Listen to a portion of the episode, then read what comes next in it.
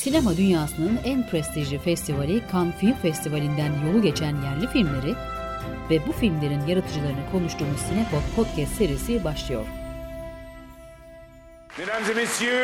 Sinema dünyasının en prestijli etkinliklerinden Cannes Film Festivali başladı.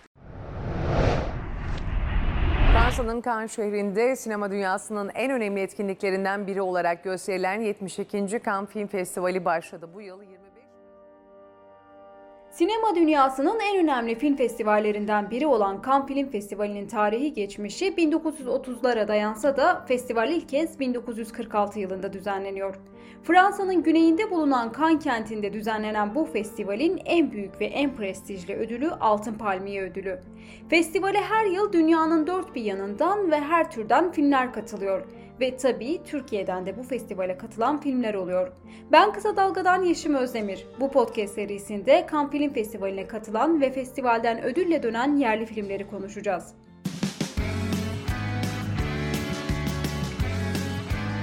Görecek, duyacak, bileceksiniz. Kısa Dalga Medya.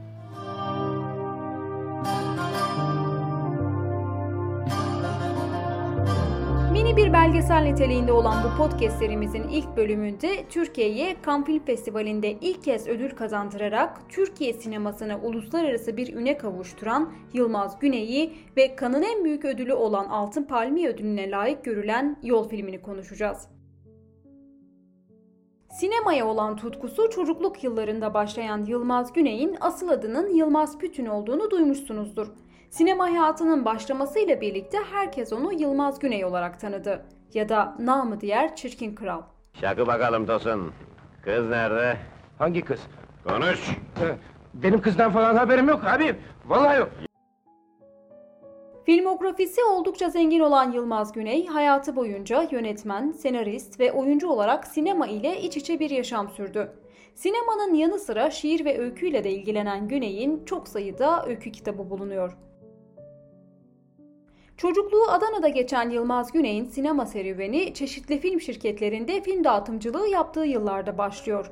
İçinde film bobinlerinin bulunduğu kutuları sinemadan sinemaya taşırken her götürdüğü filmi başından sonuna kadar izleyerek sinema hakkında hem teknik bilgileri anlamaya çalışıyor hem de seyircinin isteklerini gözlemleme fırsatı buluyordu. Yılmaz Güney ölmeden hemen önce 1984'te BBC'ye verdiği bir röportajda sinemayla tanışma anını şöyle anlatıyor. Ben e, sinemayı ilk defa köyümüze gelen kutulu bir makinede tanıdım. Şu kadar küçük bir kutu içinde bir sinema. Sinemanın taşıyıcısı yani o kutunun taşıyıcısı filmi seslendiren, filmin şarkılarını söyleyen, filmdeki olayları anlatan aynı zamanda bir showman gibiydi. Daha sonra şehirde sinema hastası haline geldim. Daha çok kovboy filmlerini, gangster filmlerini, kavgalı dövüşlü filmleri, savaş filmlerini seviyordum. Daha sonra bu çocukluk döneminin tatları yerini e, Viva Zapata'yla birlikte daha sosyal içerikli filmlere bıraktı. Ve ondan sonra filmlerde daha başka şeyler aramaya başladım. Ki o zaman ne siyasi bilincim vardı, ne doğru dürüst bir sanat kültürüm vardı. Bu konularda çok eksiğim vardı ki hala var.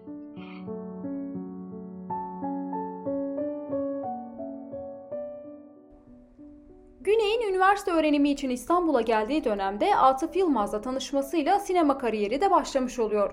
İlk kez 1959 yılında yönetmenliğini Atıf Yılmaz'ın yaptığı Bu Vatanın Çocukları ve Alageyik filmlerinde senarist ve oyuncu olarak sinema hayatına atılıyor. Ve ardı ardına Umut, Ağıt, Endişe, Arkadaş, Sürü, Yol, Duvar gibi birçok başarılı filme imza atıyor. Belediye arabaları kaldıracakmış. Doğru mu? Bizimkisi gibi eskileri belki. Yenileri kaldıramazlar. Ha, adamın iyi atı, iyi arabası olsa. Hayatı boyunca birçok kere politik nedenlerle veya adının karıştığı çeşitli olaylar sebebiyle hapis yatan Yılmaz Güney buna rağmen 114 filmde oyuncu, 26 filmde yönetmen, 64 filmde de senaristlik yapıyor. Mapusluk günlerini yoğun çalışmalarla geçiren Yılmaz Güney birçok senaryosunu da hapiste yazıyor. Yol filminin senaryosu da Isparta Yarı Açık Cezaevinde tutuklu olduğu sırada ortaya çıkıyor. Güney bu senaryonun ortaya çıkış hikayesini şöyle anlatıyor. Bilindiği gibi çok uzun yılları cezaevinde geçirdim. E, Bu süreç içerisinde e, beraber yaşadığım, beraber e, aynı koğuşu paylaştığım, e, aynı acıları paylaştığım arkadaşların hikayelerini dinledim. Özellikle Yarı Açık Cezaevinde filmde anlattığım insanları bizzat tanıdım. Ve filmde anlattığım insanların hikayeleri bizzat yaşanmış hikayelerdir. Onların ağzından dinledim. Ancak ben bir sanatçı olarak bu hikayeleri bir sanatçı gözüyle yeniden kalıplara soktum. Burada hem benim tecrübelerim, hem benim yaşadığım, gördüğüm, gözlemlediğim şeyler hem de bizzat e, filme konu olan arkadaşların hayatları vardır. Açıktır ki e, her sanatçı anlattığı hikayeyle e, bir gerçeği sergilemek ister. Ben de izine çıkan 5 arkadaş aracılığıyla Türkiye'den manzaralar çizmeye, sosyal manzaralar, ekonomik manzaralar çizmeye çalıştım. Filmde bu insanlar aracılığıyla anlatılan şeyler baskı, acımasızlık, kayıtsızlık, umutsuzluk, çaresizlik ve aynı zamanda e, bir direniş. Senaryo ilk yazıldığında filmin adı Bayram olarak belirleniyor. Filmin kurgusu sırasında yol ismi ortaya çıkıyor. İzne çıkan mahkumların sayısı da 5 değil 11. Fakat filmin yönetmeni Şerif Gören senaryonun çok uzun olduğunu ve bu karakterlerin yalnızca 6'sını çekebileceğini söylüyor. Yılmaz Güney başta razı gelmese de uzun tartışmalar sonucu kabul ediyor ve karakterler 6'ya indiriliyor. 6. karakteri de kurgu sırasında çıkarmak zorunda kaldıkları için geriye kalan 5 karakterle filmin başrolleri belirlenmiş oluyor. İmralı Yarı Açık Cezaevinde tutuklu bulunan bu 5 mahkumun bayram iznine çıkmasıyla başlayan film, dönemin Türkiye panoramasını çiziyor. Arkadaşlar müjde izinler açılmış bahçeye yazmışlar listeyi. İzinler açıldı, izinler açıldı. Tabi Şerif Gören'den önce filmin çekimlerine yönetmen Erden Kral'la başlanmış. Ama Yılmaz Güney Erden Kral'ın çektiği görüntüleri beğenmeyince kıyametler kopuyor ve çok sinirlenip film setini tamamen durduruyor. Filmin çekimleri o sırada Cunda Adası'nda yapılıyor ve Yılmaz Güney'in bu ani kararıyla yıkılan set ekibi pılını pırtını toplayıp adadan İstanbul'a dönüyor. Sonradan film tekrar çekilmeye başlansa da bu duruma kızan birçok oyuncu devam etmek istemiyor. Hal böyle olunca Yılmaz Güney bayram filmi için yeni bir ekip arayışına giriyor. Yılmaz Güney'in eşi Fatoş Güney, Esin Yılmaz'ın Yolun Öyküsü adlı belgeselinde o anı şöyle anlatıyor. İlk fotoğraflar geldi. Fotoğrafları da ben götürdüm. Gayet iyi hatırlıyorum onu. Fotoğrafları açtı, baktı, baktı, baktı. Anlamamış filmi dedi. Anlamamış benim anlattıklarımı, benim istediğim şeyi kavrayamamış dedi. Ve çok üzüldü. Hemen dedi git filmi durdur çekimi. Bu o kadar zor bir şeydi ki benim için. Set orada bütün şeyiyle çalışma devam ediyor heyecanıyla. Herkesi topladım falan. Dedim ki arkadaşlar maalesef yani film durdurulmak zorunda Yılmaz böyle böyle böyle söylüyor. Ve başka da hiç kimseyle görüşmeden tekrar geri döndü. Tabii büyük bir infial olmuş doğal olarak. Yani insanlar tam çalışmanın ortasında. Erden tabii büyük bir e, şevkle çalışıyor, elinden geldiği bütün e, gücüyle çalışıyor fakat böyle bir durum var ortada. Ondan sonra tabii kızanlar oldu, üzülenler oldu, bozulanlar oldu. Yönetmen Şerif Gören o sırada Davutpaşa Askeri Cezaevinde hapiste. Bayram filminin çekimlerine başlandığı haberini de hapishanede gazetelerden okuyor. Fakat hapisten çıktığında karşılaştığı tablo bambaşka oluyor. O sırada Yılmaz Güney hapisten izinli olarak çıktığı için Şerif Gören'in tahliye olduğu gün yüz yüze görüşme imkanı buluyorlar. Yılmaz Güney olanı biteni sağ kolum dediği asistanı Şerif Gören'e anlatıyor ve bu filmi kendisinin çekmesini istiyor. Gerisini Şerif Gören'in ağzından dinleyelim. O gece saat 11.30'da tahliye oldum ama tabii gazeteler benim tahliyemi yazdığı için Yılmaz Güney de duymuş. Yani diğerleri de Tarık falan. Herkes okumuş tabii gazeteleri. O gün beni bütün gün aramışlar ama ben tabii hala koğuşta yatıyordum. İşte sonraki gün beni e, buldular. Yılmaz abi de izne gelmiş o sırada. ve beni çağırdı. Odada bir evde. Tabii gittim, işte karşılaştık. Olan hep Şerif kardeşlerdi. Ben de ona Yılmaz abi. Bana filmin hikayesini anlattı. Filmi durdurduğunu işte ve 11 kişilik hikayeyi anlattı. Ben de senaryo istedim. Aldım o gün senaryoyu okudum. Ve sonraki gün gittiğimde dedim ki ben bunun altısını çekerim. Yani altı hikayeyi çekerim. o da çok büyük emekler verdiğini, bunun işte 11 kişisinin çekilmesini istedi falan. Ben de hayır yani bunun altısını çekmek istediğimi söyledim. Ya büyük tartışmalar oldu aramızda ama yani sonuçta şunu söyledi. Ne çekersen çek ama bu filmi çek.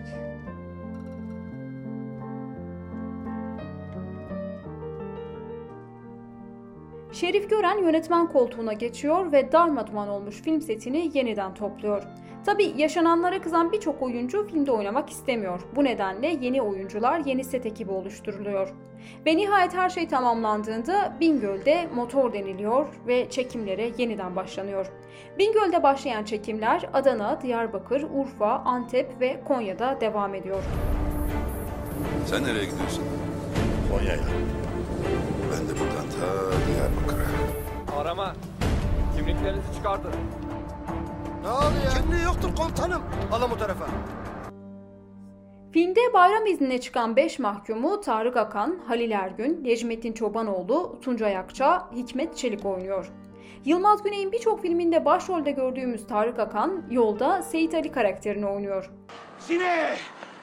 Sine uyan! Uyuma! Sine! Tarık Akan, filme dahil olma sürecini şöyle anlatıyor. Nereden telefon açtı dedi ki Tarık'cığım e, Yılmaz abi beni çağırıyor İmralı'ya gitmem lazım dedi bir iş var galiba dedi. Dedim hemen git hemen git dedim hemen git çıktığın zaman da bana şifreli konuş. Çünkü telefonlar dinleniyor şifreli konuş. İki kelime üç kelimeden fazla söyleme dedim. Aradan dört gün geçti. Dört gün sonra e, Erden'le konuştum. Dedi ki Tarık'cığım e, bir senaryo dedi. 12 mahkum dedi. Haftalık izinle çıkarlar. Geriye dedi en fazla iki kişi döner dedi. Geri kalanların hepsi ölür dedi. Allah'ım ya Rabbim muhteşem bir senaryo dedim. Tamam Diyarbakır'ı bırakıyoruz dedim. Buna giriyoruz dedim. Bir ay sonra İstanbul'dayım dedim. Askerliğim bitti geldim.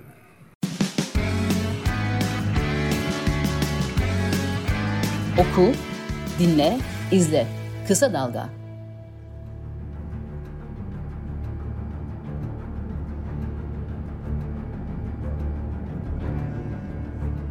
Yol filminin çekimlerine 1980 askeri darbesinden hemen birkaç ay sonrasında baskının, şiddetin, kaosun en had safhada olduğu sıkı yönetim koşullarında başlanıyor. Ve bu koşullarda sadece cezaevlerinin değil, demokrasinin, özgürlüğün olmadığı bir Türkiye sınırları içinde yasaklarla, engellerle yaşanılan her yerin, her şeyin bir hapishane olduğunu anlatan politik bir film çekiliyor. Film hem sıkı yönetimin baskılarıyla hem de sokağa çıkma yasaklarıyla sık sık engelleniyor. Hastalık, yorgunluk, gevşeklik istemiyorum. Tamam mı? Askeriyeden emir var. Mahkum mahkumluğunu, gardiyan da gardiyanlığını bilecek. Disiplin her şeyin başında gelir. Çalışmada aksilik edeni yazacaksınız. Çalışmayanı hücreye, sonra da kapalıya. Hadi iş başına. Filmde ses metaforu ile iktidar tanrısal düzlemde bir korkuya dönüştürülüyor. Otorite, emirler yağdıran, yasaklar koyan görünmez bir sestir. Görünmese de korkulur ve varlığı gerçektir. Filmde etkilerini gördüğümüz bu, bu korku ikliminde çekimleri gerçekleştiren ekip başlarına bir iş gelmesin veya çekimler engellenmesin diye birçok mekanda kameraları gizleyerek çalışmak zorunda kalıyor. Negatiflerin sıkı yönetimin eline geçmesi halinde filmin durdurulacağına, tüm ekibin tutuklanacağına eminler. Bu yüzden çekilen tüm sahnelerin negatifleri toplanıp hemen İsviçre'ye gönderiliyor. Filmin çekimleri bittikten bir süre sonra 9 Ekim 1981'de gazeteler Yılmaz Güney'in izinli olarak çıktığı Isparta yarı açık cezaevinden firar ettiğini yazıyor. Yılmaz Güney önce Yunanistan'a, oradan İsviçre'ye, İsviçre'den de Fransa'ya gidiyor. Böylelikle Yol filminin kurgusunu yurt dışında kendisi yapıyor. Gece işte saat 11-12 gibi sokağa çıkma yasağı başlıyorsa tam tarihi saatini unuttum. Biz orada kaldık bütün ekip olarak. Sokağa çıkma yasağı başladı ve biz çekime başladık. Sabaha kadar. Ordunun haberi yokken kaçak çalıştık. Ee, Diyarbakır'da çalışmamız lazım. Asker görmemiz lazım. Çünkü jandarma görmemiz lazım. O zaman jandarmayı kullanmamıza imkan yok. Ee, kıyafet bulmamıza imkan yok. Ben oradaki komutana çıktım.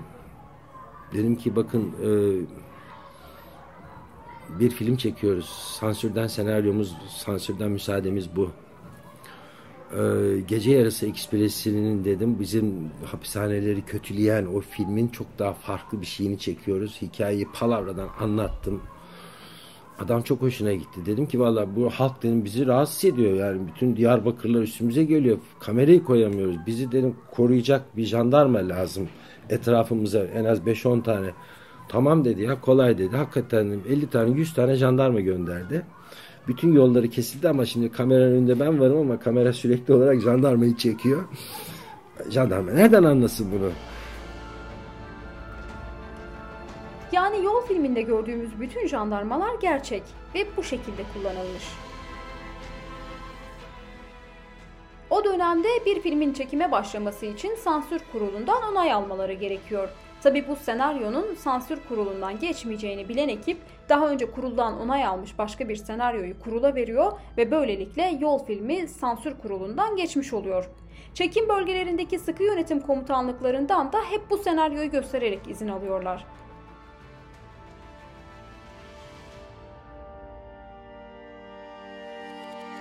Filmin başrol oyuncularından biri olan Halil Ergün yolda Mehmet Salih karakterini oynuyor. Halil Ergün o dönemler ağırlıklı olarak tiyatro yapıyor. Sinema kariyeri Yılmaz Güney'in izin filmiyle başlıyor. Sinemaya Yılmaz Güney ile başladım diyen Halil Ergün'le yol günlerini konuştuk. Halil Bey sizinle e, 40 yıl kadar geriye gidelim. E, bir yol filmindeki günlerinize dönelim. E, o dönemin koşullarını da değerlendirdiğinizde yol filminde başrollerden biri olmak nasıl bir duyguydu? O... Ya bir kere çok heyecan vericiydi o, o film için. Yani bir kere bütün kadro ve bütün insanlar yönetmenimiz Şerif Gören dahil bir bir, bir şey ruhla yani oruç tutar gibi müthiş bir fedakarlıkla çok çetin koşullarda yani e, Karapul çok zor denkleştirerek getiriliyordu filmin devamı açısından.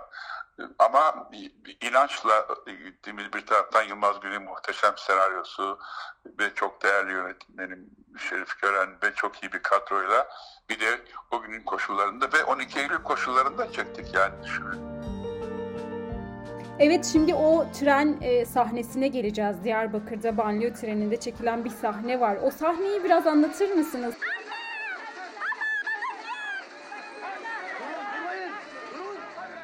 Bunu söylemek isterim. Çok mühim bu. Şimdi bizim tren tutmamız, devletten tren kiralamamız bu mümkün mü? O büyük para, izin almak zaten bizler için çok kolay olmazdı. İkincisi de e, onun parasını karşılayacak finansman yoktu yani. Ama banyo treni vardı. Diyarbakır'la şey arasında e, Kurtalan Ekspres deniyor adına ve gidiyor. Akşamüstü biniyorsun işte. Orada kalıyor tren. Sabah tekrar insanları getiriyor buraya. Biz o trenle program yaptılar prodüksiyon. Saat 5'te binip ya da işte 5 daha kararmadan e, işte gidebildiğimiz kadar orada çekiyoruz. Tekrar geliyoruz. Tekrar gidiyoruz biçimde tren sahnelerini çekebildik bu banyo treninde. Orada gerçek yolcular vardı. Asıl mesele şu orada. E, bitirmesi lazım sahneleri e, e, yönetmenin. Prodüksiyon yardımcımız var sahibi yani prodüksiyonu götüren arkadaşımıza diyor ki aman git kondüktörü biraz lafa tut biraz ayarla biraz ağır gitsin yani biraz daha zaman kazanalım. Tüm maddi imkansızlıklara ve faşizmin gölgesinde ödenen bedellere rağmen Yol filmi sinema dünyasının en önemli etkinliklerinden biri olan Cannes Film Festivali'nde gösterime giriyor. Türkiye sineması uluslararası platformda ilk büyük ödülü 1963'te Berlin Film Festivali'nde Susuz Yaz ile almıştı. Metin Erksan'ın yönetmenliğini yaptığı film en iyi film dalında Altın Ayı ödülüne layık görülmüştü.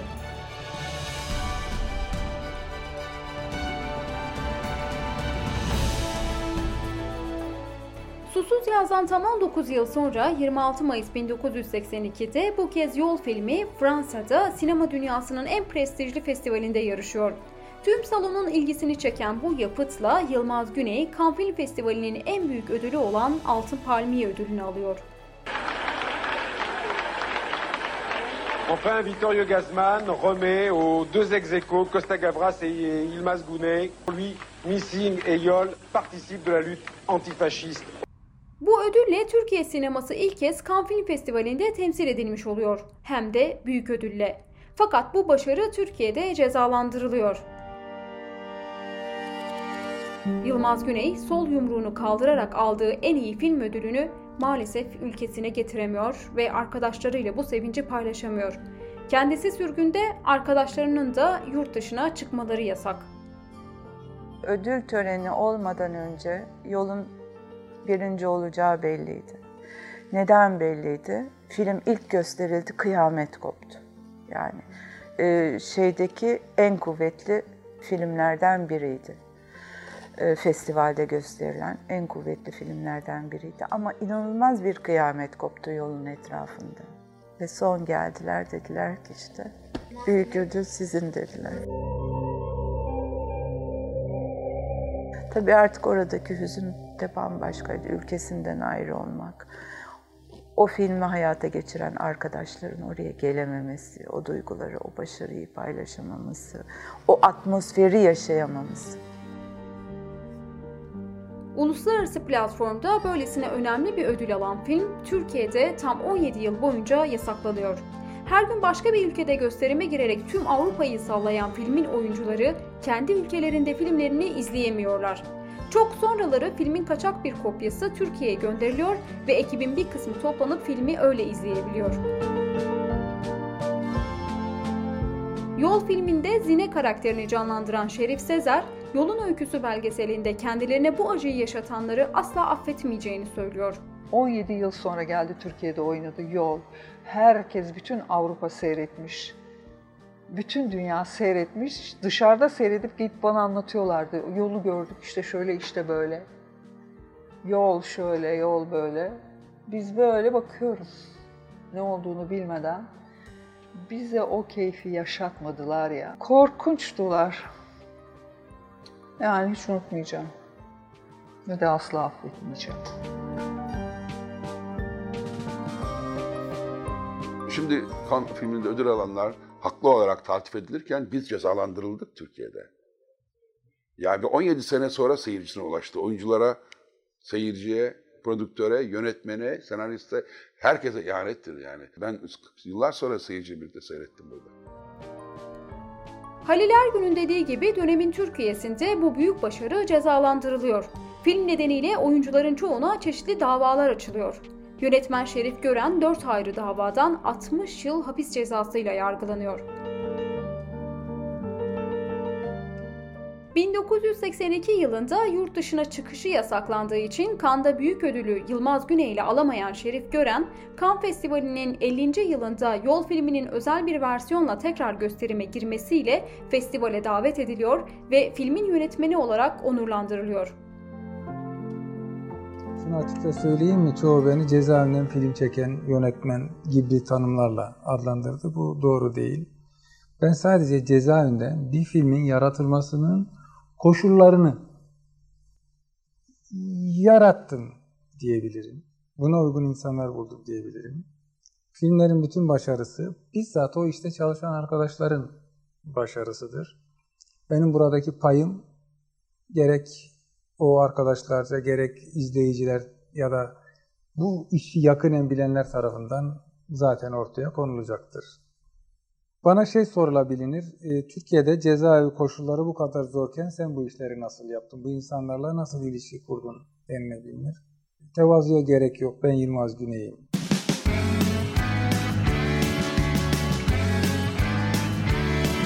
Kulağınız bizde olsun. Kısa Dalga Podcast.